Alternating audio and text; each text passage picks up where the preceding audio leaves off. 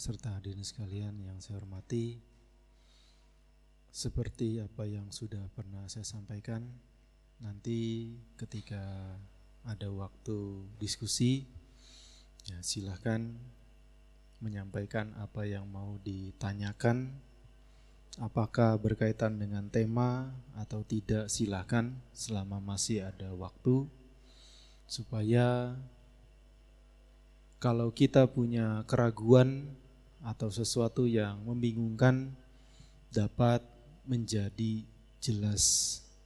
Karena salah satu sifat dhamma adalah menjelaskan dengan kita menjadi jelas, hilang keraguan-raguan. Kalau keraguan kita berkurang atau hilang dalam kita bertindak, dalam kita melakukan sesuatu menjadi penuh keyakinan, menjadi penuh semangat dan kekuatan karena kita tidak ragu terhadap apa yang kita lakukan. Para Bapak serta hadirin sekalian yang saya hormati, belajar dhamma memang dapat kita lakukan dengan berbagai macam cara. Tidak terbatas dalam lingkup ritual, tradisi ataupun kebudayaan, tetapi dengan berbagai macam cara-cara yang baik. Seperti pada kesempatan ini,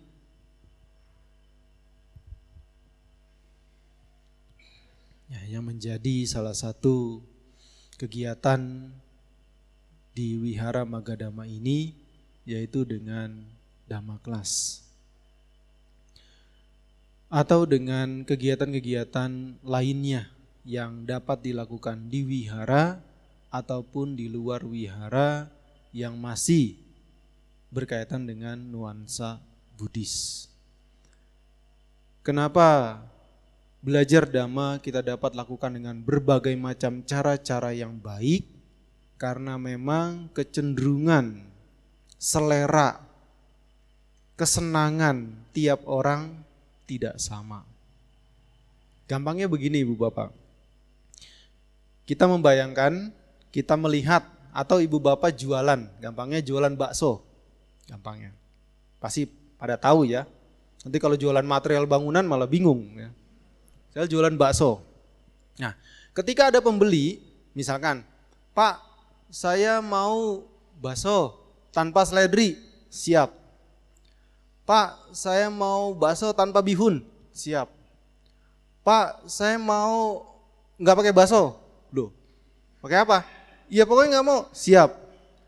Pak, saya beli bakso nggak pakai mangkok. Loh, saya bawa mangkok sendiri, go green. Nah, selama si tukang bakso ini mampu meladeni pembelinya, nah dia akan bertahan. Bahkan berkembang, maju. Tapi kalau dia kekeh, pokoknya ini jualan saya, ini bikinan saya, ini standar saya. Situ mau silakan, nggak mau cari yang lain. Ya bangkrut. Apalagi zaman sekarang.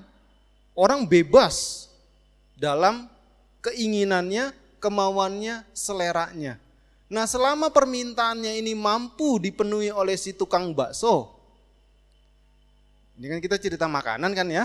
ya ada makanan apa enggak saya nanti nggak tahu habis ini. Ya. Nah Selama permintaan itu masih wajar sesuai dengan ranah si tukang bakso, si tukang bakso itu akan bisa bertahan. Bahkan akan maju. Nah demikian juga dengan kita belajar dhamma.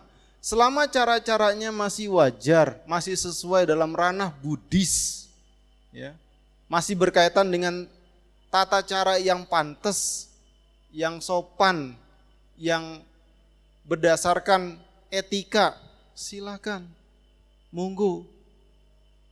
Ya. Misalkan dengan seni, dengan kebudayaan, silahkan. Karena itu cara-cara untuk kita memperluas belajar dhamma dan di situ pun nanti ada variasi yang membuat menjadi tidak jenuh. Tentu yang masih berkaitan dengan ranah Buddhis. Ya, bukan berarti nanti yang yang ajeb-ajeb yang kelap-kelip, dugem-dugem dibawa ke wihara ya jangan. Itu sudah di luar ranahnya Buddhis. Ya.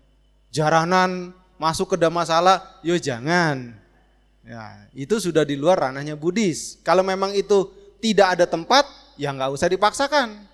Kalau ada tempat, ya di luar, di lain tempat. Nah itulah cara-cara kita bagaimana menempatkan sesuatu yang masih berkaitan, yang membuat itu lebih berwarna, lebih bervariasi, ya, membuat juga menjadi lebih beragam.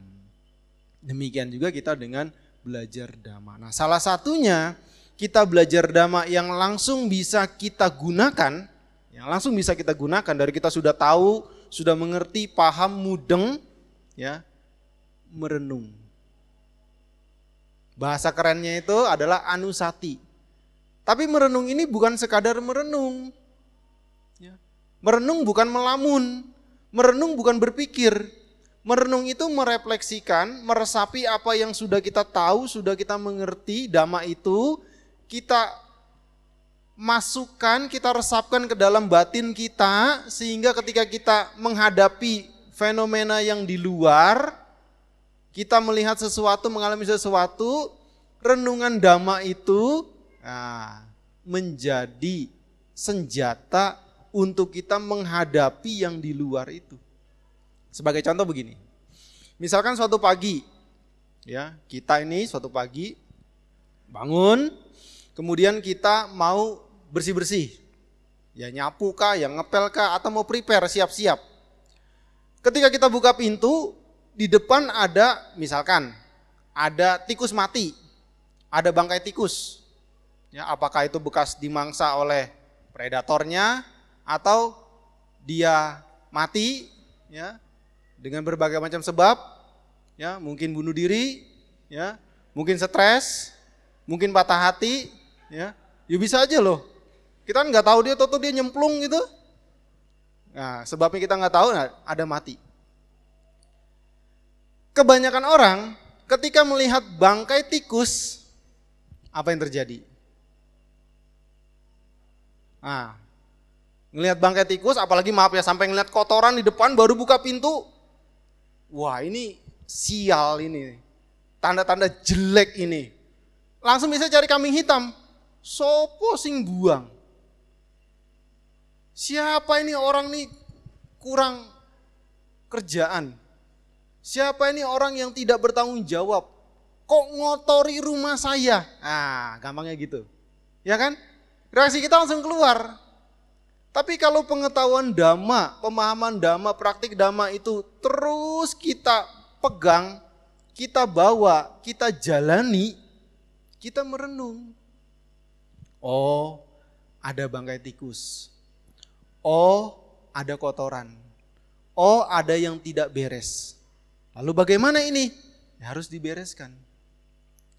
Membereskan tidak dengan marah-marah membereskan mencari solusi tidak dengan kejengkelan, kebencian, atau cari kambing hitam. Kambing hitam gak ketemu, cari kambing putih. Sopo sing ngirim ini. Nah. Tapi kalau dhamma itu selalu ada dan kita pegang, kita bawa, kita ingat, kita jalani, kita merenung. Ya, saya juga nanti kalau mati kurang lebih begini. Ya, inilah dhamma. Inilah kehidupan. Wong bangkai tikus bau ya, ya seperti itu. Saya juga nanti mati ya seperti itu. Bahkan setelah diteliti Ibu Bapak, bangkai yang paling bau di dunia ini adalah bangkai manusia. Jadi ketemu bangkai cicak, nggak seberapa. Ketemu bangkai tikus, nggak seberapa. Ketemu bangkai binatang, nggak seberapa. Bangkai manusia ini paling bau. Kenapa? Kenapa bangkai manusia ini paling bau? Semua masuk. Ayam masuk. Kambing masuk. Apalagi? Ulo masuk. Biawak masuk. Kecoa masuk. Loh, ada kan? Serangga digoreng. Kita ini kan kuburan berjalan kan? Iya kan? Wong semua masuk di sini. Perut kita ini kan kuburan, masuk semua. Nah, itu salah satu penyebab bangkai manusia itu paling bau. Jadi, hmm, bau, bau. Nggak usah protes. Sadari, renungkan. Oh, bangkai kita juga bau sekali. Nah, dengan kita bisa merenung, oh iya, kematian. Tikus ini mati, saya nggak tahu sebabnya, tapi ini mati. Saya juga pasti akan mengalami kematian. Nah, dengan kita melembutkan cara kita berpikir seperti itu, emosi negatifnya tidak muncul langsung. Paling tidak tertahan. Pengen marah iya.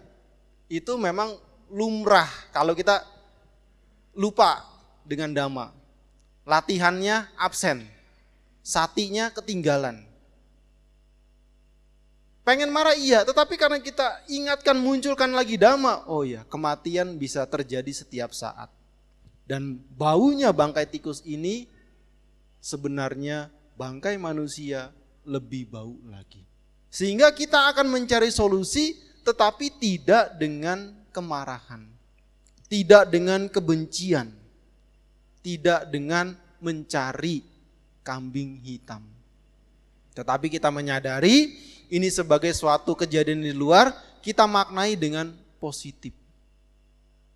Kesempatan yang lalu ya, sekilas kita sudah mengetahui cepatnya pikiran sangat sulit untuk dihitung. Bahkan kalau kita ambil bagian yang terkecil, 10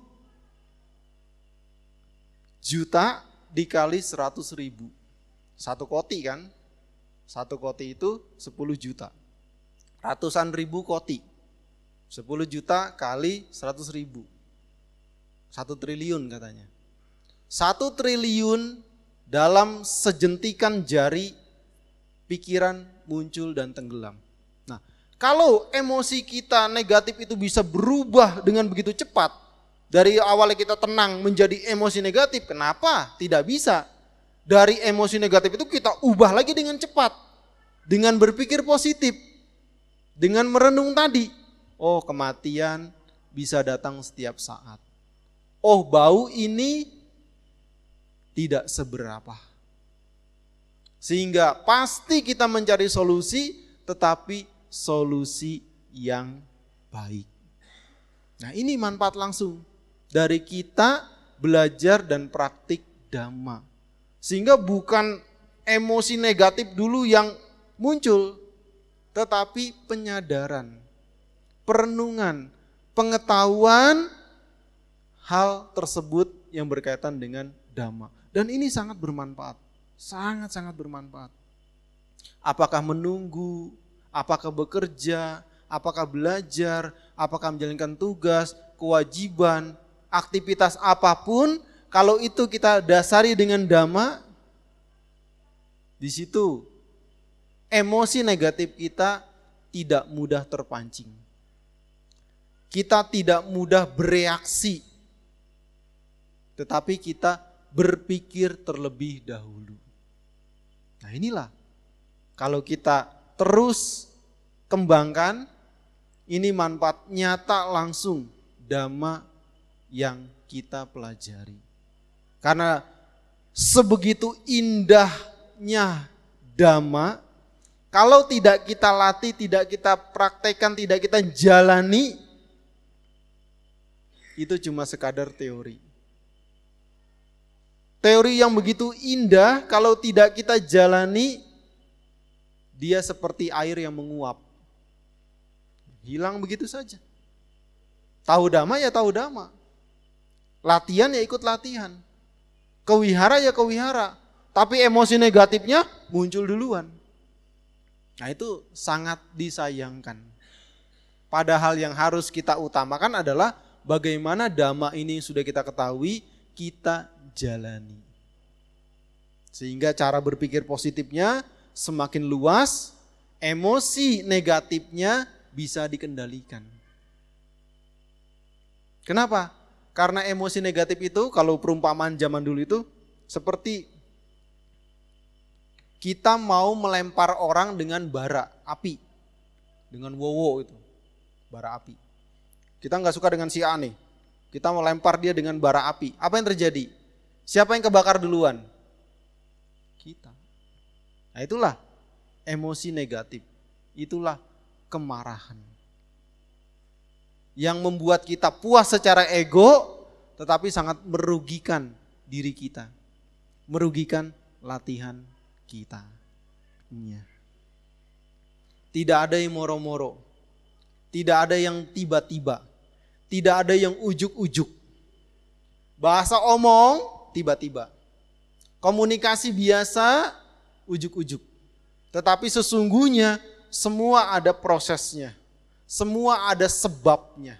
Nah kalau kita bisa paling tidak oh ada sebabnya. Itu emosi negatif kita sudah terkendali. Tapi kalau kita lupa segala sesuatu itu ada sebabnya, langsung kita nggak enak, sekitar kita sudah nggak enak. Nah itu, itu manfaat dhamma yang sangat nyata. Renungkan saja, renungkan saja dan latih, pasti sangat bermanfaat dalam keseharian.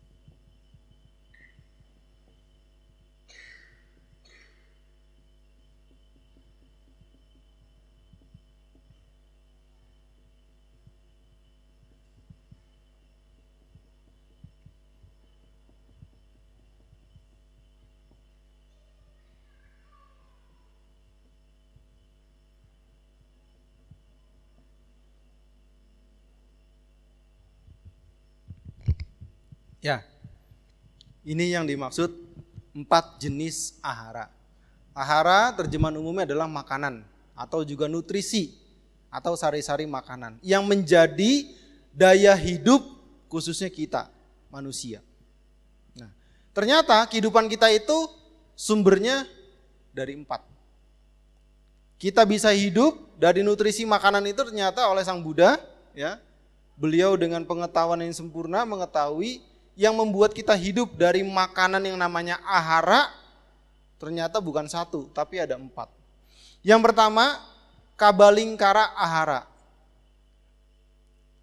Makanan fisik. Nah, gampangnya makanan fisik. Makanan keras, makanan lunak, makanan sehari-hari.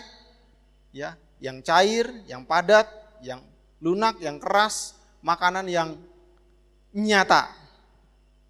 Yang fisik Nah ini juga memengaruhi mental kita.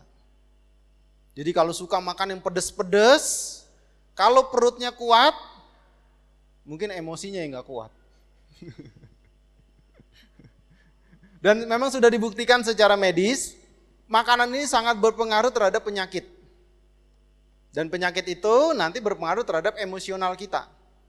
Ya, jadi makanlah yang sesuai. Ya.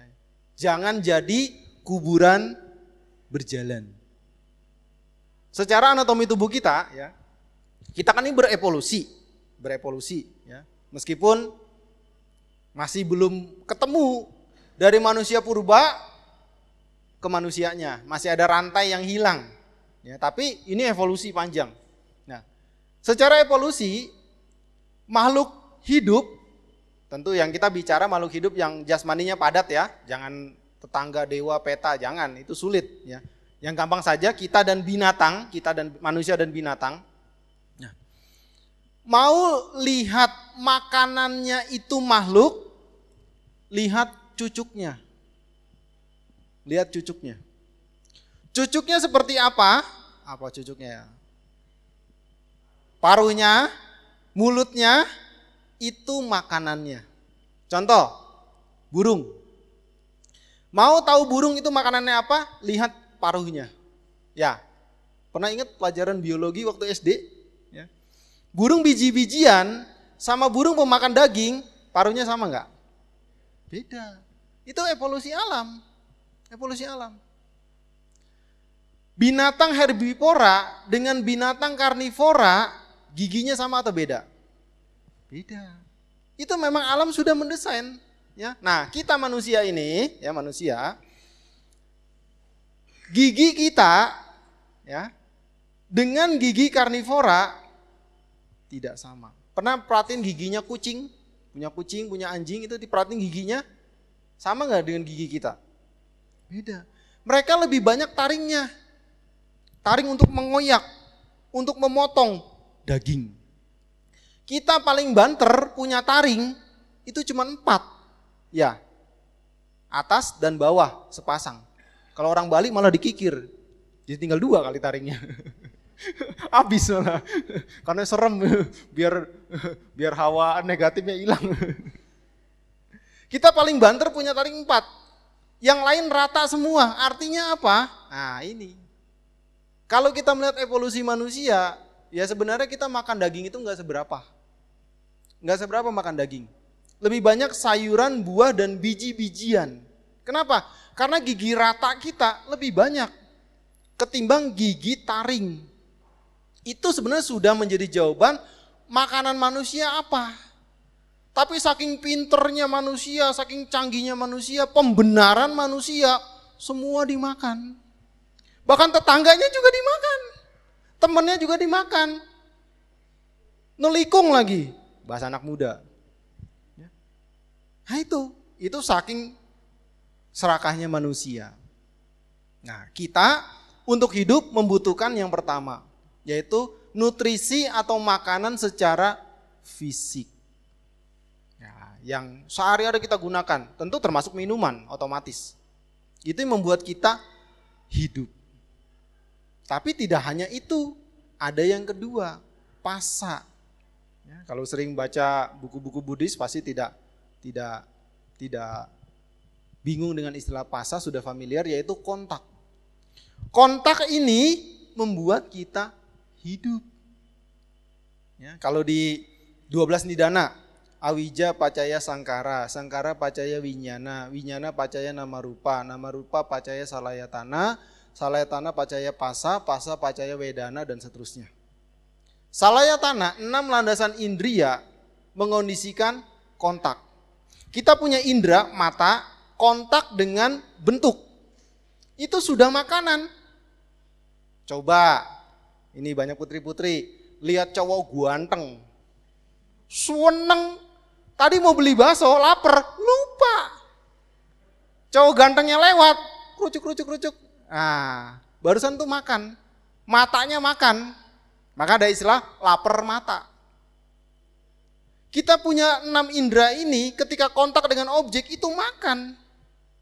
Ya sebaliknya, kontak yang jelek pun itu makan. Melihat yang menjengkelkan, mendengar yang menjengkelkan, mencium yang menjengkelkan, itu kontak. Itu makanan emosi, marah. Ya, Tadi sebelum sebelum marah itu lapar. Sesudah marah harusnya satu porsi, lima porsi. Boros jadinya. Jadi sudah batinnya makan, fisiknya makan berkali-kali berlipat-lipat. Saking emosinya, saking muarahnya. Nah, kontak itu adalah makanan. Makanan batin. Ya. Misalkan nih, lagi happy. Lagi happy. Kita lagi happy, lagi good mood, mood kita lagi enak, lagi baik, ada orang yang mencela. Marah nggak kira-kira kita? Eh kamu jelek misalkan. Kita lagi happy dibilang begitu marah nggak? Secara umumnya nggak marah. Kita lagi happy, lagi mood kita bagus lah, eh kamu jelek, santai aja. Yuk rapopo, jelek juga masih hidup. Kita lagi mood kita bagus. Dapat kontak seperti itu, kita bereaksi biasa. Bahkan kita ladeni dengan guyon. Tapi dengan kalimat yang sama, situasi yang berbeda, mood yang berbeda, kondisi batin berbeda. Eh kamu jelek, apa jelek? Wah, ribut. Kalimat yang sama, orang yang menyampaikan juga mungkin sama. Tapi dengan suasana batin yang berbeda, situasi yang berbeda, reaksinya menjadi beda. Itu juga membuat kita hidup. Pasa kita punya enam indera ini, Yang lima ini bisa kita sentuh, satu adalah pikiran. Ketika kontak dengan objeknya, itu membuat kita hidup. Senang atau tidak senang, atau netral. Netral ini apa ya? Suka ya tidak, menolak ya tidak. Ya. Gampangnya ini, kita lihat spidol. Kita tahu ini spidol. Dan kita sedang tidak butuh spidol. Kita lihat, oh ya spidol, sudah. Ini netral. Benci tidak, ya. Mencari juga tidak. Itu gampangnya netral. Nah, makanya kalau mau diringkas lagi ya cuma dua, suka dan duka. Ya, menyenangkan atau tidak menyenangkan, menolak atau membenci. Itu dari kita kontak dengan objek. Itu juga makanan, membuat daya hidup kita secara mental. Yang ketiga, mano sancetana. Kalau mau diringkas ini aja. Nah, cetana, kehendak. Ingin ini, ingin itu, ingin belajar, ingin kerja, ingin sekolah, ingin jalan-jalan, ingin ngapain saja, itu membuat kita juga hidup. Itu makanan batin kita. Kalau inginnya menyenangkan, hidup kita saat itu paling tidak happy. Ingin berbuat baik, ingin berbakti, ingin menolong, ingin apa yang positif, kita senang saat itu. Itu hidup kita senang. Tapi ingin yang negatif juga hidup, tapi hidup kita tidak enak. Kemerungsung paling tidak saat itu. Ingin marah, ingin ngomel, ingin membentak, ingin membalas. Cetana, itu juga hidup, tetapi hidup dalam suasana yang negatif saat itu. Karena pikiran berubah begitu cepat, berproses begitu cepat. Jadi keinginan, kehendak, kemauan, pabriknya karma gampangnya itu juga makanan membuat kita hidup. Jadi kita punya keinginan itu makanan. Nah cuman harus kita kendalikan. Termasuk tadi pasa. Ya. Kalau istilah ada istilah dalam bahasa Inggris yang keren itu jangan foolish contact. Kontak yang salah, yang keliru, yang bodoh. Tapi wise contact. Kontak yang bijaksana. Nah kontak yang bijaksana itu contohnya tadi kita melihat bangkai, melihat yang tidak menyenangkan, merenung ke dalam. Tidak mencari siapa pelakunya, tidak mencari kambing hitam. Ketika merenung ke dalam otomatis kita mencari solusi yang baik. Itu kontak yang bijak. Tapi kontak yang salah, kontak yang keliru, kita langsung menyalahkan yang di luar. Langsung keinginan, cetananya muncul, memarahi, ya kalau bisa menghabisi sekalian. Itu juga membuat kita hidup. Cetana jelek membuat kita hidup, tapi dalam hidup ketidaknyamanan. Hidup berdebar-debar saat itu. Marah, jengkel, mangkel. Itu hidup, tapi hidup dengan tidak nyaman. Dan kita pernah mengalami itu. Atau mungkin ada yang hobi seperti itu. Ya, siap-siap aja nanti. Sudah waktunya penyakitnya ngantri. Karena jasmani ini bentukan dari batin, dari mental. Satu lagi, winyana, kesadaran indera. Nah, gampangnya. Jadi, kita punya mata yang normal, ada objek, ya, ada objek di luar, benda, di situ ada perhatian, kesadaran indera kita bisa melihat itu namanya winyana. Itu juga makanan. Ya, kalau kontak tadi kan sudah lengkap kan. Jadi ini memang kalau kita lihat dari 12 nidana tadi, pada itu, itu memang berkaitan. Antara winyana dengan pasa itu memang ada hubungan, saling memengaruhi. Ya. Kalau di sini dipisah karena ini berdasarkan daya hidup kita. Ketika ada telinga yang normal, tidak tuli, ada suara, kemudian kita memberikan perhatian terhadap suara itu dan kita dengar, bahkan kita mudeng, nah itu fungsi winyana.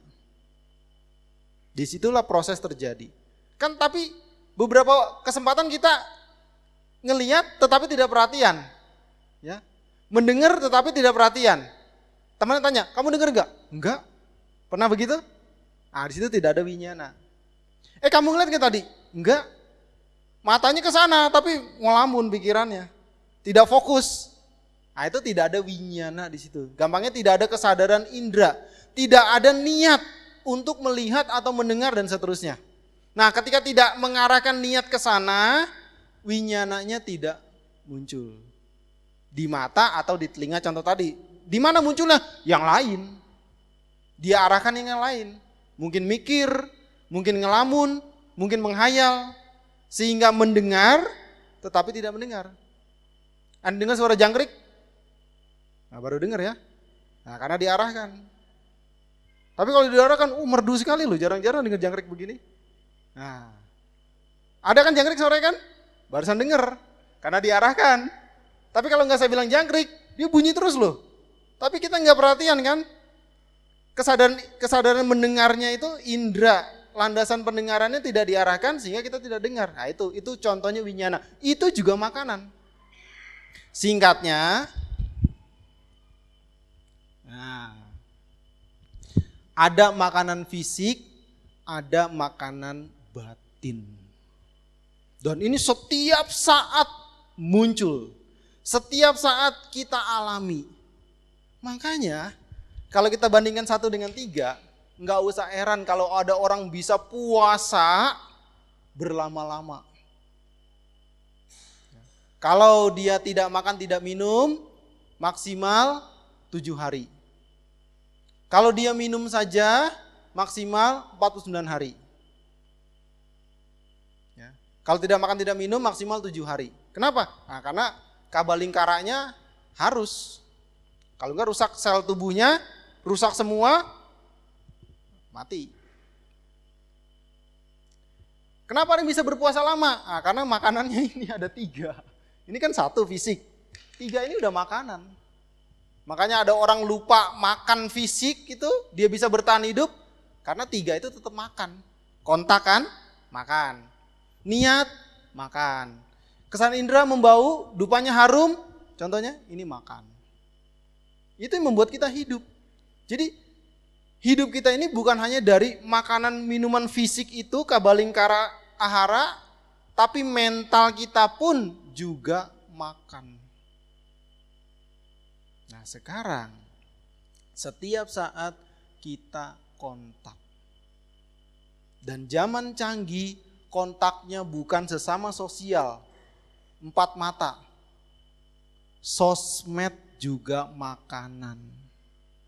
Makanan batin yang nanti memengaruhi fisik. Gunakan sosial media dengan bijak. Wah ini Bante, ini berita tenanan, berita bener asli. Tidak palsu, tidak bohong, saya sudah broadcast, saya sudah forward. Eh ternyata hoax juga.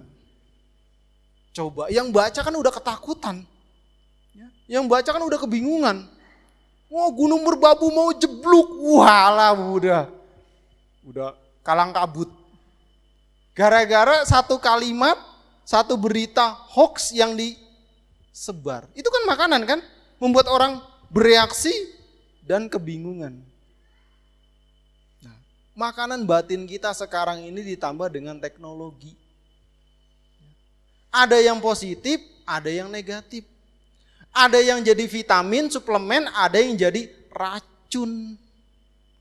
Apalagi kita mau ngadepin pilpres. Ya ini sih bukan bukan ceramah politik, bukan Maksudnya ketika dapat berita, apalagi berita itu nanti membuat kebingungan, ketakutan, kegaduhan, apalagi hoax, hapus. Hapus. Hapus. Tapi kalau berita itu cinta kasih, kepedulian, kalimat-kalimat positif, boleh disebarkan. Ya, kebinekaan, kebersamaan, persatuan, boleh disebarkan.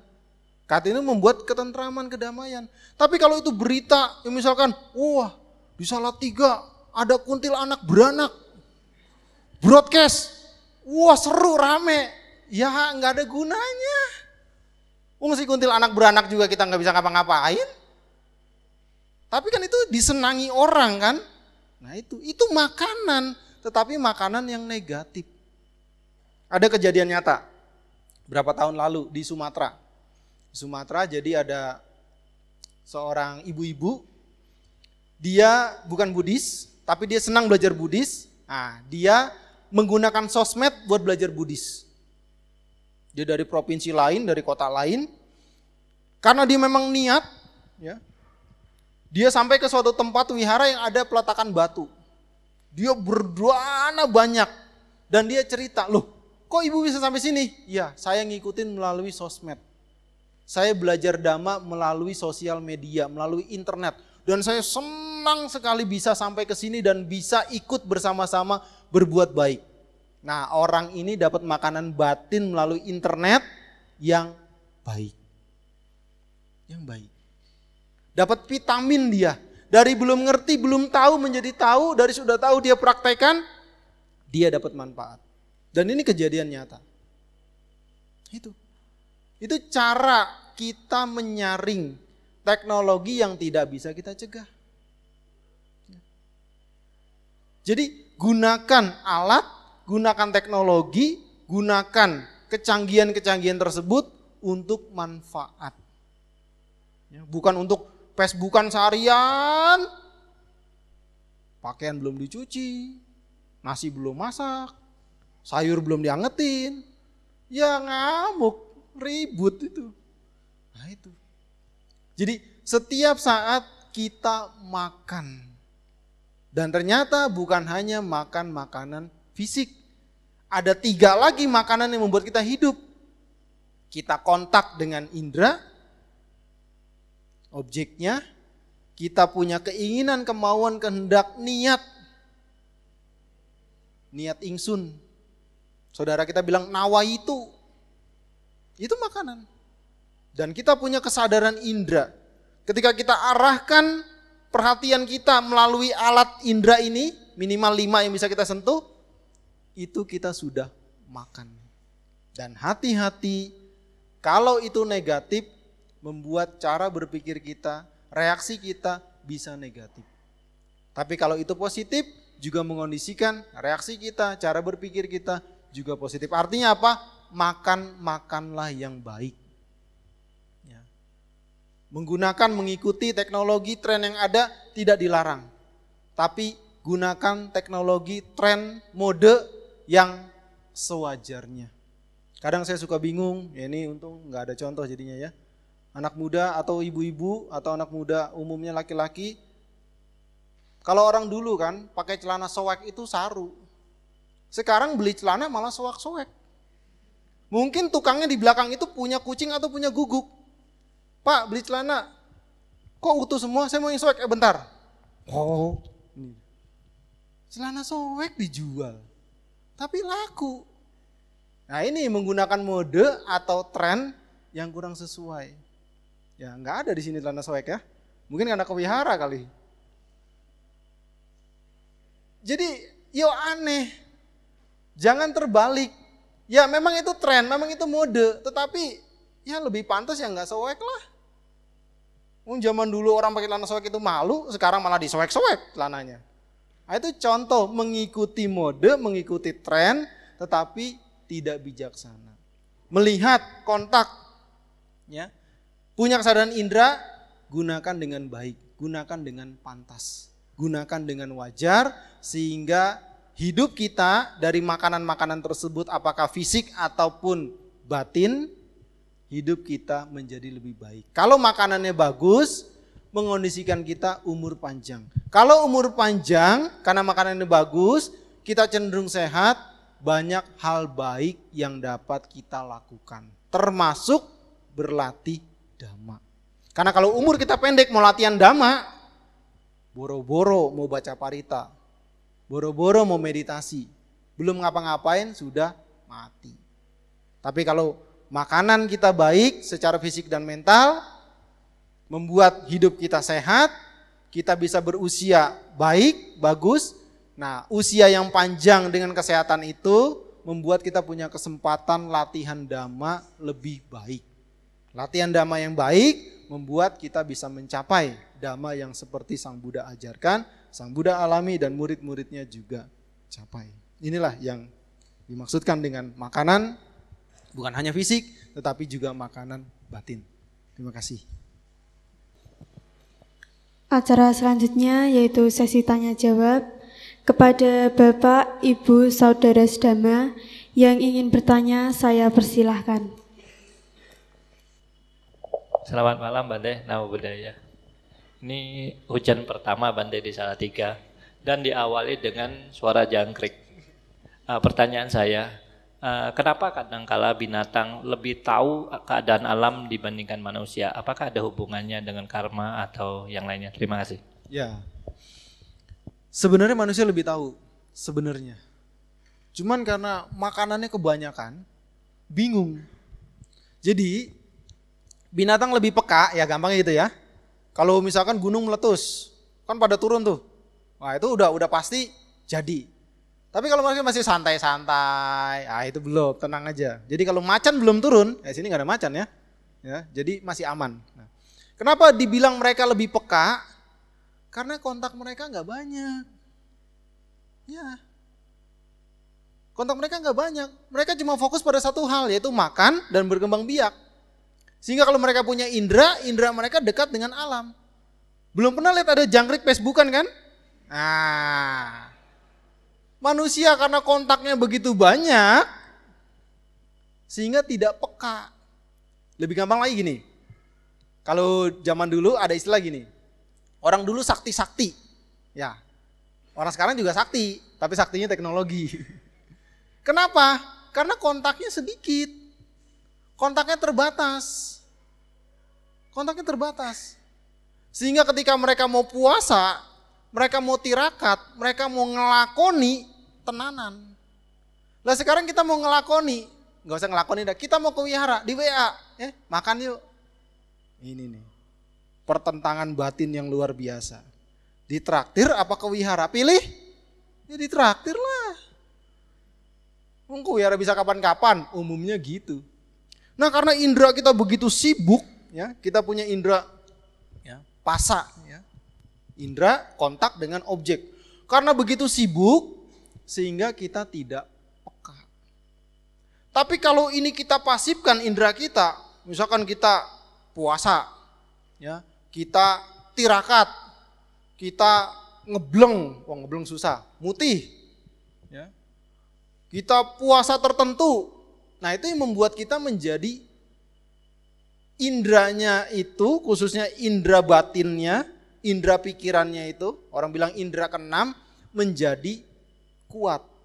Ketika dia kuat difokuskan pada hal tertentu, itulah yang menjadi istilahnya kesaktian. Gitu. Jadi yang membuat kita tidak peka terhadap alam karena kita terlalu sibuk. Tidak fokus mencar kan? Mencar, tercerai. Tapi kalau kita fokus pada satu hal, nah itu yang membuat kita menjadi peka. Nah binatang karena menyatu dengan alam, bagian dari alam, karena dia tidak sibuk ke sana kemari, ya. Meskipun zaman sekarang kalau binatang kota itu suka ngemol juga, karena majikannya juga ngemol, Nah, membuat adanya perubahan. Nah, binatang yang dipelihara di kota, penyakitnya juga tidak kalah canggih dengan manusia.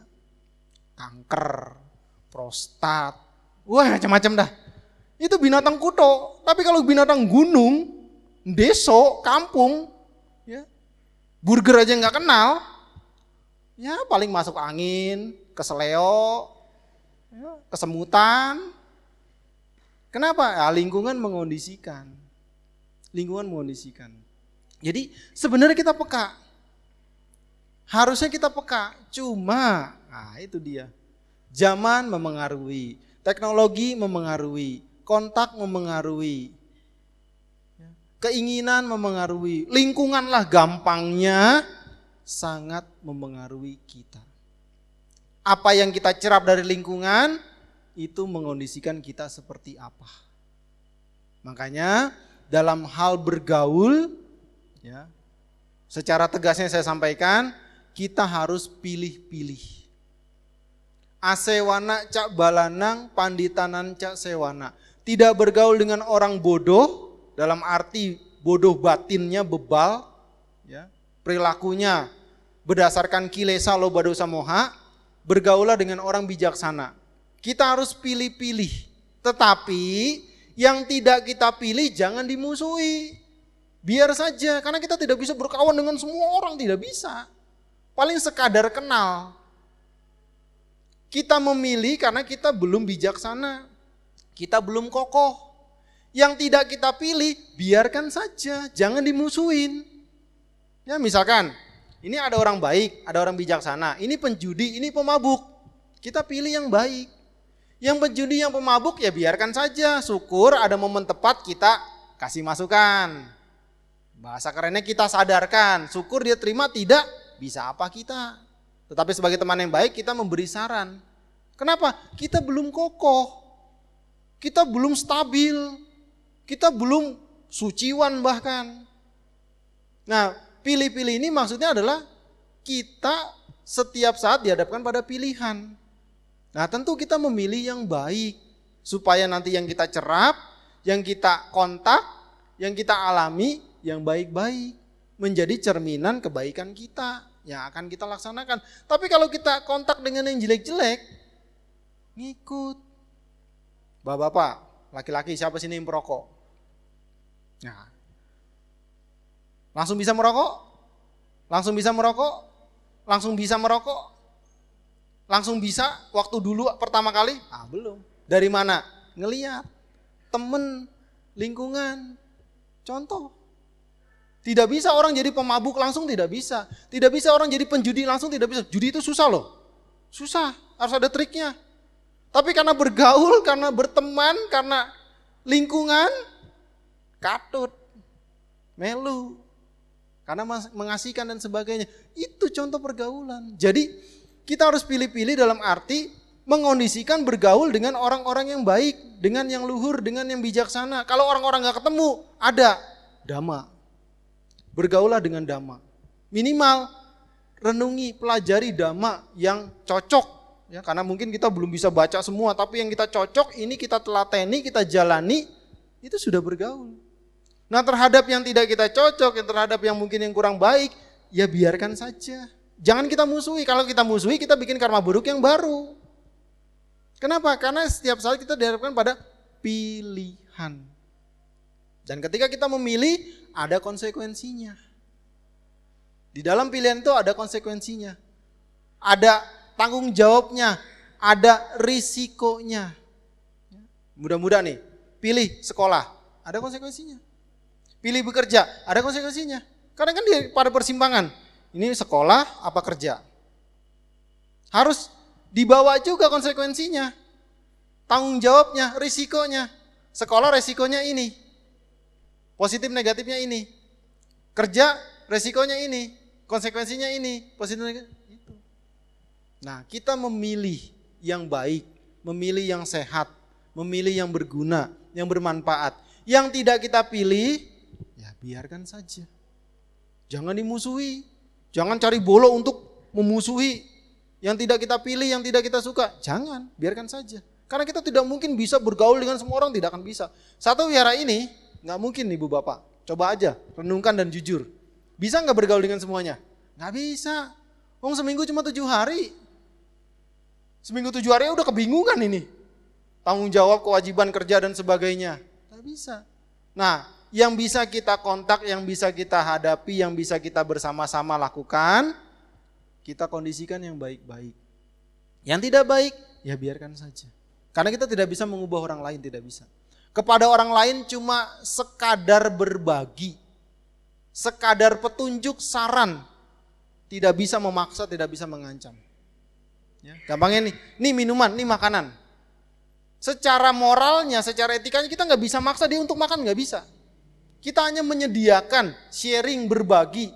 Dia cocok, suka, silakan. Tidak cocok, bisa apa kita? Nah, seperti itu. Tapi kita bisa memaksimalkan potensi, kemampuan, apa yang kita miliki dalam diri kita ini kita kembangkan. Itu sangat realistis. Tapi mengubah orang lain, itu keinginan buruk yang baru. Diselimuti dengan keinginan baik. Padahal sebenarnya itu adalah keburukan. Jadi lebih baik contoh teladan, itu lebih bermanfaat. Ketimbang kita memaksa muncul kebencian baru. Muncul kekejaman baru. Kayak Sang Buddha. Sang Buddha nggak pernah memaksa. Sang Buddha cuma memberi contoh, menjelaskan dengan gamblang, memberi contoh, memberi teladan, itu yang beliau lakukan. Dan berhasil. Berhasil. Sang Buddha nggak pernah, ayo jadi murid saya, tak jamin masuk surga. Nggak pernah. Kamu nggak jadi murid saya, masuk neraka. Nggak pernah. Sang Buddha nggak pernah kasih iming-iming. Sang Buddha nggak pernah kasih hadiah atau kasih hukuman. Sang Buddha membabarkan, menjejerkan, menjelaskan, memberi contoh dan memberi teladan. Nah itu. Jadi sebenarnya manusia sangat peka. Karena kita punya batin yang sempurna. Kalau binatang, dia punya batin tapi sangat lemah. Kenapa? Karena memang dominan sifat awijanya, mohanya. Karena mohanya begitu dominan, juga ada dosanya, ada lobanya, membuat dia punya batin tidak terlalu berkembang. Belum pernah ada binatang ngerakit mobil kan? Nah, manusia bisa. Kenapa? Nah, punya pikiran, punya batin yang terus dikembangkan, terus dikreasikan, terus dimunculkan, terus diciptakan. Jadilah teknologi-teknologi yang bermanfaat, yang bisa kita gunakan dengan baik. Itu manusia yang batinnya sempurna boleh dibilang. Nah kalau binatang atau makhluk-makhluk menderita, nah itu karena kekuatan karmanya juga membuat batinnya tidak maksimal. Sehingga dia hidup hanya dalam kondisi dia saja. Kalaupun bisa, tidak semaksimal manusia. Tapi manusia sangat punya kesempatan untuk mengembangkan batinnya. Makanya yang bisa mencapai kesucian itu tidak semua makhluk. Yang bisa mencapai kesucian itu manusia, dewa, dan Brahma. Tapi niraya makhluk neraka, peta, ya, kemudian tiracana binatang tidak bisa. Kenapa? Karena kondisi batinnya tidak memungkinkan, tidak kuat untuk belajar dan latihan dhamma. Alamnya pun tidak mendukung. Tapi manusia, dewa dan Brahma secara batinnya mendukung, secara alamnya juga mendukung untuk mencapai pembebasan. Tapi kalau makhluk alam apa ya secara batin tidak mendukung karena selalu berisi penderitaan. Kalaupun tidak menderita secara kasar matanya kita lihat tetapi dominan awija atau kebodohan dan alamnya tidak mendukung. Ini seperti kalau serangga kita nyalakan lampu begini. Serangga-serangga malam itu malah mendekat kan? Ya laron atau binatang-binatang bersayap itu ketika ada pelita mendekat. Padahal dia mendekat itu apa? Bunuh diri. Kenapa?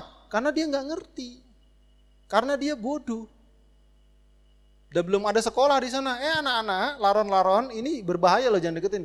Nggak ada kebetulan, belum ada guru di sana.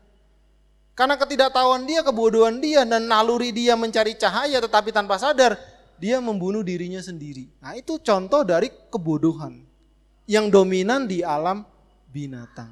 Tetapi di sisi lain, karena dia bersentuhan dengan alam, ya gampangnya tadi, dia rasanya lebih peka. Tetapi ya tidak semua kasus seperti itu, tidak semua. Karena kalau dia lagi alpa, perhatian tidak ada, ya mungkin dia juga bisa lupa. Tetapi manusia sebenarnya harusnya lebih peka. Makanya berhubungan dengan orang itu tidak harus ngomong. Tidak harus ngomong ibu bapak. Perhatikan saja. Apalagi kalau sudah kesarian ya, satu keluarga, nggak usah ngomong. Ya. Kalaupun ngomong adalah suatu cara untuk melanjutkan kegiatan. Eh kamu lapar ya? Kok tahu? Mukanya udah gak enak dilihat. Jadi sebenarnya kita tuh peka kalau kita mau pelajari. Bahkan ada ilmu-ilmu tertentu dari wajah saja kok sudah ketahuan. Katanya kan ada istilah gini, mata adalah jendela hati. Dari mata ketahuan loh, orang jujur apa enggak. Ada ilmunya, bisa dipelajari silakan. Jadi ketika melihat mata ini, Orang ini kan bersikap atau ngomong jujur atau bohong ketahuan dari matanya. Apalagi ada alat makin di lay detektor kan, makin dikembangkan. Itu karena memang cerminan, fisik ini cerminan dari batin. Jadi kalau kita peka, kita tahu orang yang kita hadapi ini sedang apa. Sedang happy, sedang gelisah, sedang ada masalah dan sebagainya. Itu tahu. Dari mana? Ah, dari kita menggunakan indera kita. Itu. Dengan tujuan yang baik. Jadi kalau mau mencari peka, manusia ini sangat peka. Punya enam indera. Dan kalau ini dikembangkan, yang sumber utama memang indera pikiran, ini sangat bermanfaat bagi kehidupan kita. Ya bukan buat nebak orang, bukan buat cari-cari kesalahan orang, tetapi untuk ke dalam utamanya. Untuk mengembangkan diri secara ke dalam, sehingga singkatnya dengan kita punya kemampuan indera, karma yang kita lakukan semakin baik. Kalau itu karma yang bagus, kusala. Tapi kalau itu yang jelek, kita semakin hati-hati. Karena kita tahu mengerti efek dari perbuatan kita. Jadi punya kemampuan batin itu ya secara dhamma, landasan dhamma yang baik akan membuat kita semakin punya karma yang berkualitas. Kalau itu karma yang baik. Tapi kalau itu karma yang buruk, kita semakin selektif, semakin hati-hati, ya, semakin waspada. Ya kita tetap normal, kita tetap bukannya kalau sudah waspada jalannya alon-alon, pelan-pelan, makan kehabisan. Bisa suruh pelan-pelan. Bukan kita normal saja biasa, cuman kita bisa lebih berhati-hati. Ya. Biasanya yang sering kita jumpai gini, ada orang kalau ngomong menyakitkan. Kenapa? Karena dia belum berhati-hati. Dia belum bisa menyaring kata per kata atau kalimat per kalimat atau kondisi penekanan suaranya sehingga kalau ngomong itu wah pokoknya nyakitin. Ya aku yuk kayak gini, ya itu udah ego lagi dah. Kenapa? Karena belum menggunakan indranya dengan baik. Tapi kalau bisa menggunakan indera dengan baik, ngomong aja, aduh enak, ngomong aja, dengar ngomongnya adem. Ya. Belum aja kita udah, udah ah nyes. Ada kan yang begitu kan? Kenapa? Karena dia bisa menggunakan indranya dengan baik. Nah itu manusia. Itulah contoh yang kalau kita mau gunakan tidak kalah bermanfaat. Meskipun teknologi canggih, tapi kita punya enam indera, kita gunakan dengan baik, kita tempatkan pada posisi yang baik, minimal kita tidak membuat suasana sekitar kita menjadi aneh, menjadi kacau. Tapi yang paling bermanfaat langsung adalah diri kita semakin baik batin kita berkembang, karma kita menjadi semakin bagus.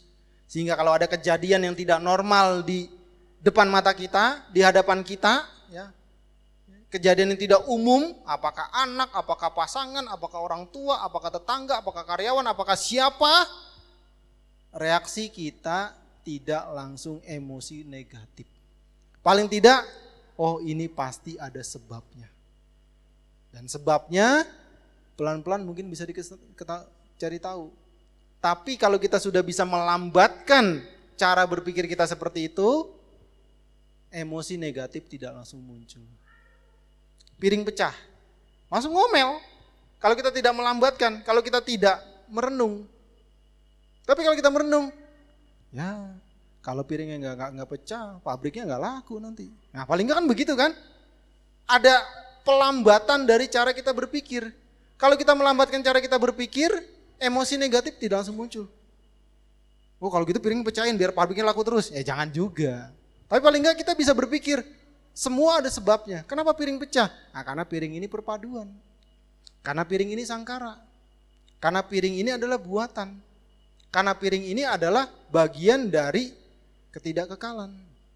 Piring pecah, anicca wata sangkara. Wah kan enak. Jadi anicca wata sangkara itu bukan buat orang mati doang, bukan. Sendal hilang, anicca wata sangkara. Piringnya pecah, anicca wata sangkara. Jadi bukan hal kematian, ya. Sabe sangkara anicca, bukan. Apa pun yang berubah itu anicca. Kenapa dia berubah? Karena dia sangkara, perpaduan, adonan. Yang asangkara itu, yang asangkata itu itu yang tidak berubah. Karena bukan sangkara, bukan perpaduan. Apa itu? Ya nibana. Nibana itu yang asangkata. Asangkara. Tapi selama itu sangkara tanpa kecuali apa pun pasti berubah. Pasti anicca. Pasti berproses. Jadi boleh umat Buddha bikin tren baru. Piring pecah, anicca wata sangkara. Gelas hancur, sabe sangkara anicca. Bikin status, wah siapa yang meninggal? Bukan, sendal saya hilang. Sendal kan sangkara. Nah, maksudnya apa? Ya kita bisa berpikir secara luas. Sehingga emosi negatifnya, kemarahannya, kejengkelannya bisa kita kendalikan. Muncullah pikiran-pikiran positif. Karena pikiran begitu cepat. Ingat bukan satu miliar, satu triliun. Ada buku soalnya, ada penjelasan satu miliar ya boleh-boleh saja. Tapi kalau kita hitung ternyata kecepatan pikiran, cita, batin kita minimal satu triliun dalam satu jentikan jari, dalam satu kedipan mata. Sangat cepat. Kalau dia bisa berubah cepat menjadi emosi negatif, kenapa tidak kita bisa ubah cepat menjadi yang positif? Dari mana? Nah, dari dhamma yang kita pelajari.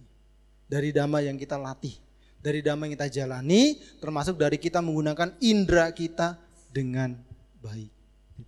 Kasih. Yang lain silakan.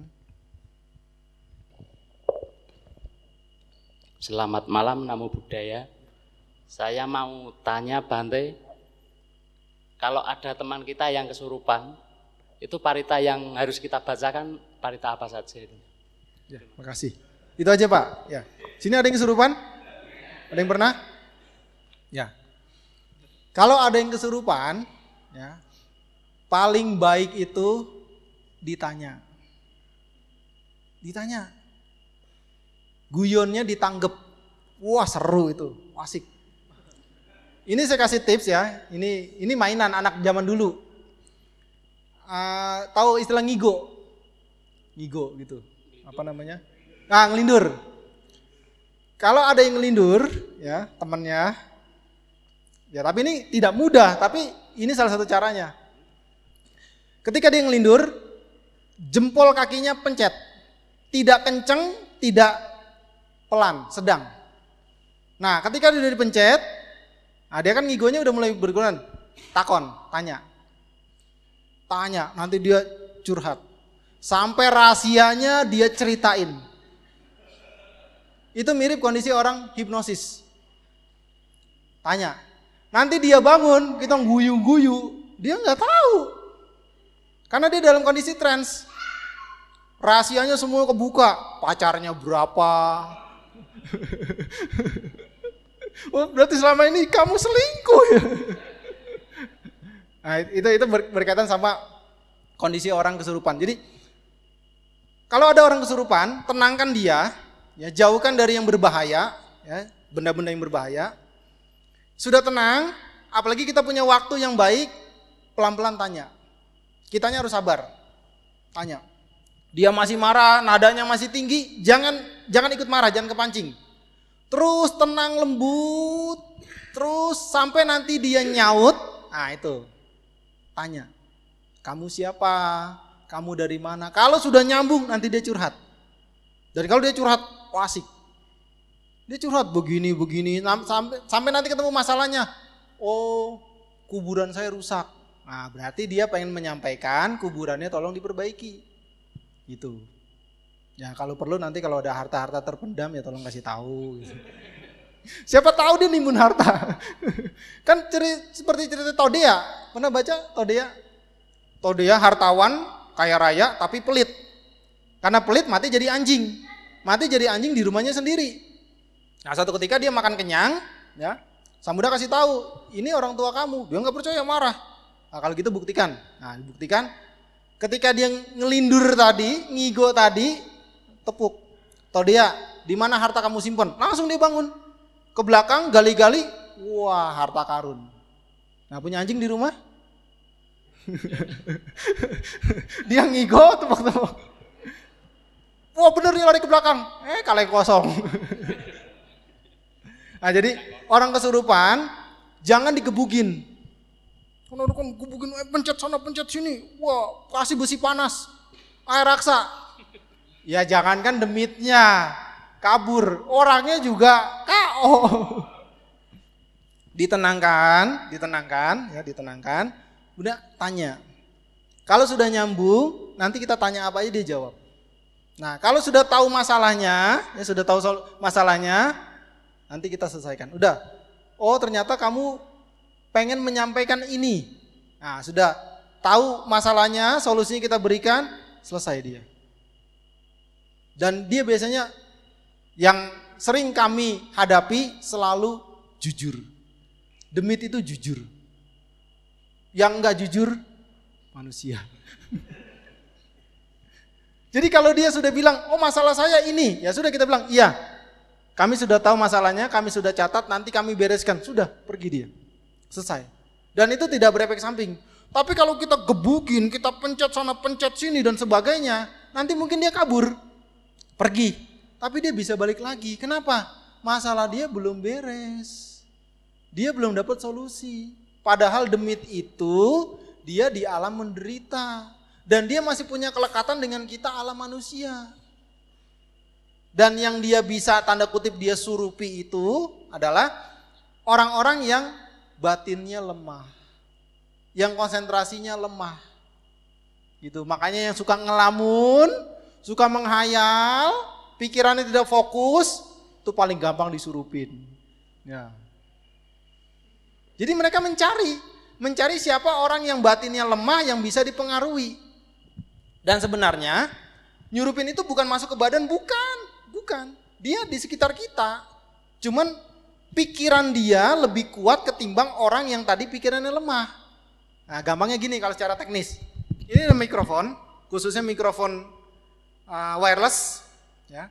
Ada HP, sinyalnya kuat, HP-nya bunyi, HP-nya ada panggilan, deketin, apa yang terjadi?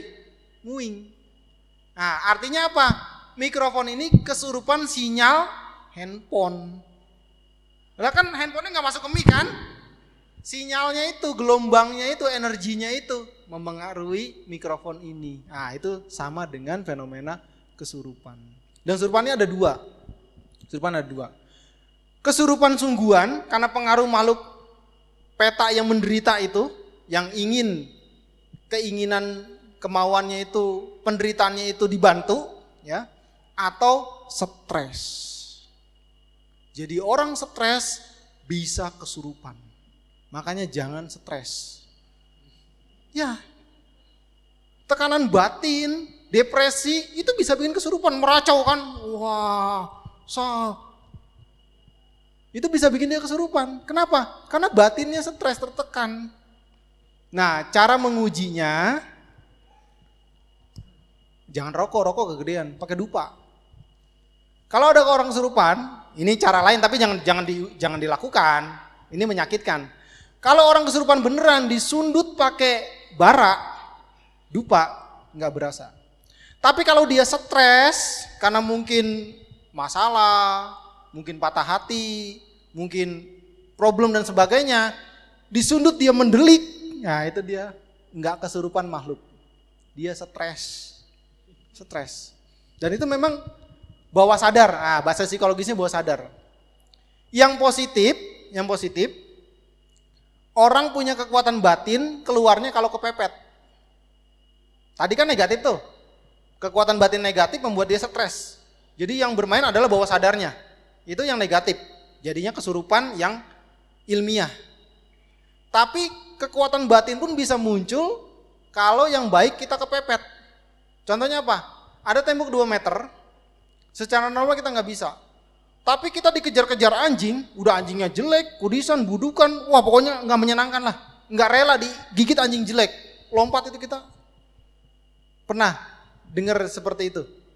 Atau pernah ngalami nyolong mangga? Ternyata secara normal 2 meter nggak bisa kita naik. Tapi karena kita tidak mau digigit oleh anjing yang tidak keren, kita bisa lompat Hebat juga saya. Nah, itu kekuatan batin. Kekuatan batin bawah sadar. Itu. Nah, orang stres pun sama, cuman dia negatif. Makanya tenaganya kenceng kan? Gak mesti kesurupan makhluk. Nah, jadi solusinya apa? Kalau zaman dulu ya sambil mainan, guyonan, kalau ada yang begitu, ceburin ke kolam. Kalau dia habis ceburin ke kolam, dia marah-marah, ah ini stres dia. Tapi kalau dia kesurupan benar, keceburin ke kolam ya santai aja. Karena dia bukan kendali dirinya. Nah, jadi sekali lagi orang kesurupan jangan disakiti. Ya. Kan ada pakai raksa, ada pakai bara, nah itu bukan solusi. Mungkin dia pergi, tetapi nanti bisa kembali lagi. Nah, kalau kita apalagi ada waktu, kita tanyakan baik-baik apa masalahnya, nanti dia cerita, nah di situ akar masalahnya. Kita bantu, kita bereskan, selesai. Nah, lalu paritanya apa? Secara tradisi biasanya paritanya memang karania metasuta. Tapi jangan ngandelin parita. Dia lagi marah-marah. Karania metasuta. Dipukul kita bisa. Ya harus ada logisnya juga. Ya mungkin kalau sudah tenang, ya sudah pamitan, ya kita bacakan parita ya. Parita ini parita cinta kasih, ya kamu berkonsentrasi memancarkan cinta kasih. Semoga kamu berbahagia, semoga makhluk-makhluk lainnya juga berbahagia. Nah itu mungkin sebagai penutup. Jadi bukan serta merta langsung dibacain parita tidak. Lebih enak diajakin ngomong. Dan dia jujur. Pernah kami ngalami dulu di satu wiara anak wiara kesurupan Wah dia joget-joget jaran kepang. Dan yang uniknya dia merem. Itu yang yang yang tidak bisa logisnya. Dia merem indah, gemulai sekali dia laki-laki. Dia joget jaran kepang, matanya merem, tidak jatuh. Tidak limbung dan gerakannya indah sekali. Ya, kita biarin aja karena tidak membahayakan.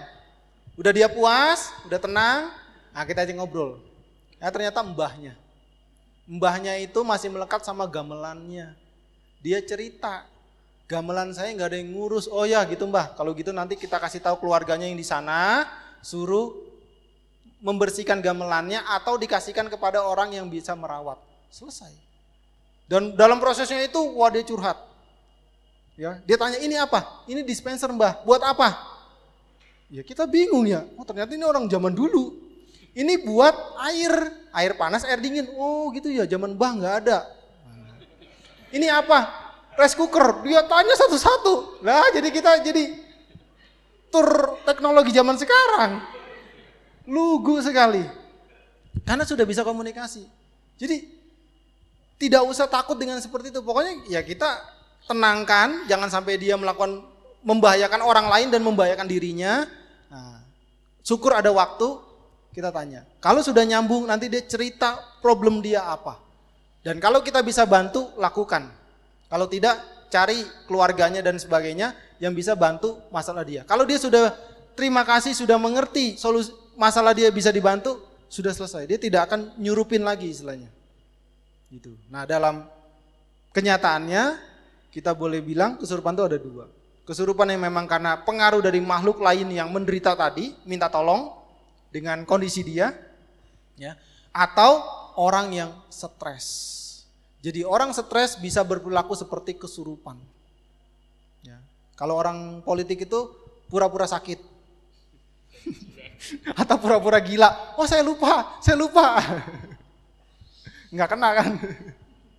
ya itu jadi secara parita apa saja boleh. Yang secara khusus adalah karani metasuta. Tetapi paling baik adalah diajak dialog. Pelan-pelan pelan-pelan ditanya ya. Pokoknya dia marah-marah dia kata-katanya kasar dia ngumpat jangan diladenin. Kita harus sadari ini sedang menderita. Ini sedang susah. Gitu. Nggak usah takut nggak usah takut. Nanti kalau sudah nyambung wah dia curhat. Dan kita dapat dapat pengalaman dapat pengetahuan dari dia. Dan tidak ada masalah. Itu juga membantu. Pernah juga satu wihara ada kedatangan orang wanita. Wanita kesurupan laki-laki Ternyata setelah ditelusuri, ini mantan pacarnya yang dia tolak. Jadi kalau mudi-mudi nolak, nolak yang halus ya. Jangan sampai nanti dia gantung diri, nanti ngikutin sampai ke Wihara Magadama, wah celoko. Nah, dia bukan Buddhis, jadi dia sudah ke mana-mana, nggak ada solusi. Jadi sembuh gampangnya nyurup lagi, itu berlama-lama, berbulan-bulan. Nah karena sudah mentok, nah dia ke wihara. Ke wihara, nah, sudah. Kita tanya, tanya, eh malah konsultasi masalah percintaan. Lintas alam, lintas agama, ya nggak apa-apa ladenin. Nah ternyata dia tidak terima diputusin. Nah terus kita kasih tahu, loh kamu sebenarnya cinta apa enggak sama dia ini, si perempuan ini? Ya saya cinta. Kalau cinta itu membahagiakan atau menyakitkan? Ya membahagiakan. Kalau begini membahagiakan atau menyakitkan? Menyakitkan. Jadi tanya jawab. Nah dia sadar, oh ternyata cintanya dia ini sampai dibawa mati itu menyakitkan si wanita. Ya sudahlah kalau kamu cinta dengan si wanita ini, biarkan dia bahagia dengan pilihan. Kamu harus sadar kamu sudah beda alam, kamu sudah meninggal, kamu punya, oh jadi cerita panjang lebar.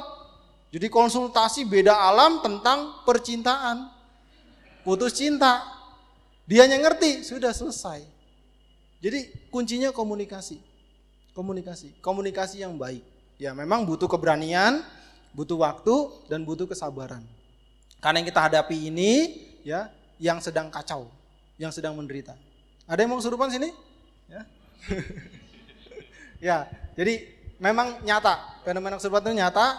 Makhluk menderita itu pengen dibantu, pengen ditolong, atau dia tidak tahu keberadaannya sudah pindah alam. Karena fenomena makhluk peta itu banyak dalam tanda kutip setan keder, setan kesasar, itu nggak sadar kalau dia sudah mati sudah pindah alam. Salah satu film zaman dulu itu film Ghost. Pernah nonton film Ghost? Kan laki-laki udah mati tuh, dicelakain kan.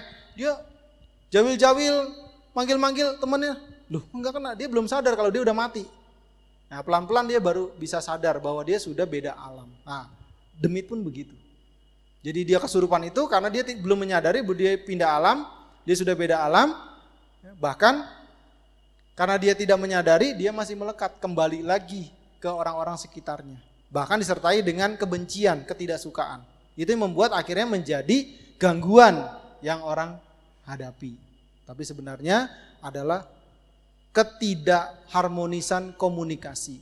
Miskomunikasi itu membuat dia tidak paham, dia keliru, sehingga dianggapnya sebagai gangguan. Tidak usah takut dengan kesurupan. Ya, ditakoni nomor ya boleh, tapi kenangganya nggak garansi. Makasih. Selamat malam Bante. Uh, menanggapi tentang kasus kesurupan tadi, uh, jadi teringat uh, bagaimana kasusnya bila itu diundang. Seperti kita kan di Bali banyak sekali tari-tarian yang memang mengundang. Sedangkan untuk orang Bali sendiri itu setiap sudut pasti disajenin. Pasti kita hubungannya dengan leluhur. Nah, itu bagaimana kasusnya? Apakah kita yang kurang kuat imannya kah? Tapi di situ saya juga melihat uh, karena saya sendiri sebagai penari di situ, setiap saya nari saya selalu kesurupan. Tapi uh, begitu juga dengan orang-orang yang lain gitu ya, yang nari juga. Terus ada juga sebagai pemangku dia juga kesurupan. Nah, apakah kita memang kurang kuat imannya di situ atau bagaimana? Terima ya, kasih. Ya, makasih. Betul. Nah, dalam masyarakat kalau yang berkaitan dengan makhluk, ini kita bagi dua lagi. Yang tadi adalah alamiah, natural. Nah, yang barusan ditanya adalah yang dibuat. Termasuk jaran kepang itu dibuat. Ngosong, ngosong, ngosong, ngosong, ngosong gitu ya. Salah satu kalau jangan dulu. Ngosong, ngosong, ngosong, ngosong, ngosong. Badan ini milik alam, badan ini milik semesta. Ah itu nyurup nanti, masuk. Diundang. Ah itu jangan sebenarnya. Jangan. Karena kita dengan dia berbeda. Energinya berbeda gelombangnya berbeda. Jadi jangan belajar nyurup. Atau mediasi ya, jadi jadi tempat mediasi itu juga jangan. Karena kita punya energi yang berbeda. Ya. Nanti lama-lama ya, lama-lama jeruan kita yang nggak kuat. Badannya rusak nanti lama-lama. Ya, apakah ginjalnya, apakah lambungnya, apakah paru-parunya dan sebagainya lama-lama itu. Kalau berlama-lama. Kenapa? Karena energinya beda alamnya beda, frekuensinya beda, gelombangnya beda. Itu justru kita harus memperkuat sati. Nah, berkaitan dengan kebudayaan, ya gimana caranya? Jangan sering-sering. Jangan sering-sering. Karena kita sudah berbeda alam. Jadi jangan malah belajar untuk nyurup. Jangan. Atau nyurupi orang juga jangan. Karena itu karma buruk otomatis. Nah karena ini ketidaktahuan budaya, ada budaya, ada seni yang seperti itu, Ya kalau memang sudah mengalami itu ya jangan sering-sering. Nah kenapa mudah? Karena sudah jadi kebiasaan. Gampangnya si makhluknya itu sudah jadi tuan rumah. Kita malah tamunya. Jadi terserah si makhluk tersebut. Ya untungnya si makhluknya itu masih dalam suasana seni dan budaya. Ya. Coba kalau dia si makhluknya suka demo. Repot. nah itu karena sudah kebiasaan lokal. Kebiasaan setempat. Gitu. Nah, si makhluknya itu memang suka dengan seni dan dia senang dia puas dengan tari-tarian itu. Nah, dia jadi siapa pun yang ada di situ yang bisa dipengaruhi, otomatis dia sudah lenggak-lenggok sendiri. nggak usah disuruh. Nah, pokoknya dia sedang ngelamun, sedang tidak fokus, nah itu siapa saja. Makanya kalau dulu nonton Jaran Kepang kan, Toto guling, Toto, nah, karena ngacak, random, si makhluknya itu random saja. Jadi seperti kesurupan masal itu cuma makhluknya satu, cuma satu. Cuma dia bisa mempengaruhi banyak orang, bisa mempengaruhi banyak orang. Jadi makhluknya cuma satu, bukan makhluknya banyak gitu, bukan, makhluknya satu. Cuma dia bisa mempengaruhi banyak orang karena kekuatan pikirannya lebih kuat. Nah, kenapa juga bisa masal? Karena ketakutan. Jadi nggak usah takut. Ketakutan itu adalah kebencian. Kebencian itu penolakan. Penolakan itu membuat satinya malah absen. Yang namanya sati pasti positif. Tidak mungkin sati berasosiasi dengan dosa, tidak mungkin ketakutan, kemarahan, galau, gelisah itu kan dosa. Dosa itu membuat satinya absen, satinya absen mudah dipengaruhi. Gitu. Jadi memang ada dalam kebudayaan kesurupan itu memang dibuat dengan tujuan untuk seni. Ya, itu memang kebudayaan. Tetapi kalau memang kita bisa menghindar, ya menghindar. Sebab lama-lama tidak bagus tidak bagus untuk diri kita. Karena alamnya sudah beda, frekuensinya beda, energinya beda, gelombangnya juga beda. Gitu. Nah kalau kita terbiasa, nanti malah kita lupa dengan kita sebagai manusia. Malah kita berperilaku seperti mereka. Ya, nggak mau minum kopi, nggak mau minum teh, nggak mau makan pecel, maunya ngirup dupa, makannya kembang. Yang ngirit sih ngirit, tapi lambungnya kan nggak kuat. kebiasaan gitu. Nah, itu memang ada kesurupan yang dibuat, dibikin. Nah, itu jangan. Jangan. Justru kita harus mengembangkan sati. Kalau kita punya sati, di hipnosis pun, digendam pun nggak bisa. Ya, kalau ada foto aura, kalau zaman dulu. Kalau orang yang fokusnya kurang kuat, satinya kurang kuat, nanti kalau badannya auranya difoto itu bolong-bolong. Ya, gampangnya bolong-bolong. Nah bolong-bolong inilah mudah untuk dimasuki oleh sesuatu. Dalam arti energi, kekuatan, ya, pengaruh. Termasuk santet juga mudah. Kalau auranya lemah, energinya bolong-bolong. Tapi kalau dia full kekuatannya, apalagi meta cinta kasih, otomatis itu jadi perisai. Otomatis itu menjadi tameng. Yang alamiah. Yang alamiah. Tidak membalas, tetapi menetralisir. Nah, itu semua dari kekuatan tadi, kekuatan batin, kekuatan pikiran kita. Jadi saran saya ya sebisa mungkin menghindari. Ya, kalaupun tidak bisa menghindari, ya jangan sering-sering. Karena itu tidak tidak bagus. Tidak bagus bagi mental kita, tidak bagus bagi batin kita, termasuk nanti tidak bagus bagi fisik kita. Fisik kita akan menjadi ya gampangnya kalau kita positif ketemu negatif ya secara gelombang, secara frekuensi kurang bagus. Gitu. Nah, sehingga sebisa mungkin menghindari ya, fenomena seperti itu karena tidak bagus. Justru Sang Buddha mengajarkan kembangkan sati, perkuat sati karena itu sangat bermanfaat. Yang singkatnya tadi adalah berkaitan dengan karma. Setiap saat kita bikin karma. Kalau karma ini landasannya sati, pasti pasti bermanfaat. Dan sekitar kita tidak akan mendapat kerugian dari tindakan kita karena tindakan kita berdasarkan sati. Tapi kalau satinya absen, ya, tindakan berdasarkan loba, dosa atau moha, kitanya sudah tidak nyaman, tidak tentram, sekitar kita pun juga mendapat efek karena kita makhluk sosial. Kita saling keterkaitan. Efek dari ketidaknyamanan kita mempengaruhi sekitar kita. Itu. Makanya kalau Sang Buddha kan auranya itu enam warna aura. Panji Buddhis itu biru, kuning, merah, putih, jingga dan kelima campuran warna jadi warna enam itu. Itu warna tubuh Sang Buddha. Kita cuma punya satu. Sang Buddha itu punya enam. Inilah yang membuat kenapa kalau orang ketemu Sang Buddha dan dia fokus, dia sungguh-sungguh mudah mengerti dhamma, bahkan mencapai sucian. Karena Sang Buddha sendiri sudah mengondisikan. Bahkan energi Sang Buddha menembus alam lain. Nah, problemnya orang itu tidak bisa mengerti, tidak bisa mencapai kesucian, orang itu menolak. Kenapa menolak? Karena moha, karena awija, karena dosa. Kasusnya Magandia, Magandia putri. Kenapa bapak ibunya mencapai anagami, kenapa dia tidak mencapai malah kebencian? Ya salahnya Magandia. Karena dia moha, Karena dia melekat dengan kecantikan. Dia gelasnya belum dikosongkan. Jangankan dikosongkan, separuh saja tidak. Tapi orang tuanya, ibu bapaknya menerima sepenuhnya. Batinnya berlandaskan sati, sehingga malah mencapai kesucian. Kondisinya saat itu sama. Sang Buddha ketemu dengan tiga orang. Ada ibu bapak dan anaknya putri. Nah yang orang tua ini menerima dhamma dengan penuh pencerapan. Tapi si Magadhya putri menerima dengan dosa landasan berpikirnya kebencian karena dia melekat dengan kecantikan dia. Nah, sehingga orang tuanya mencapai sucian, ini malah dendam dengan sang Buddha. Nah, itu. Kenapa? Karena sang Buddha sendiri sudah mengondisikan warna tubuhnya, auranya itu begitu kuat.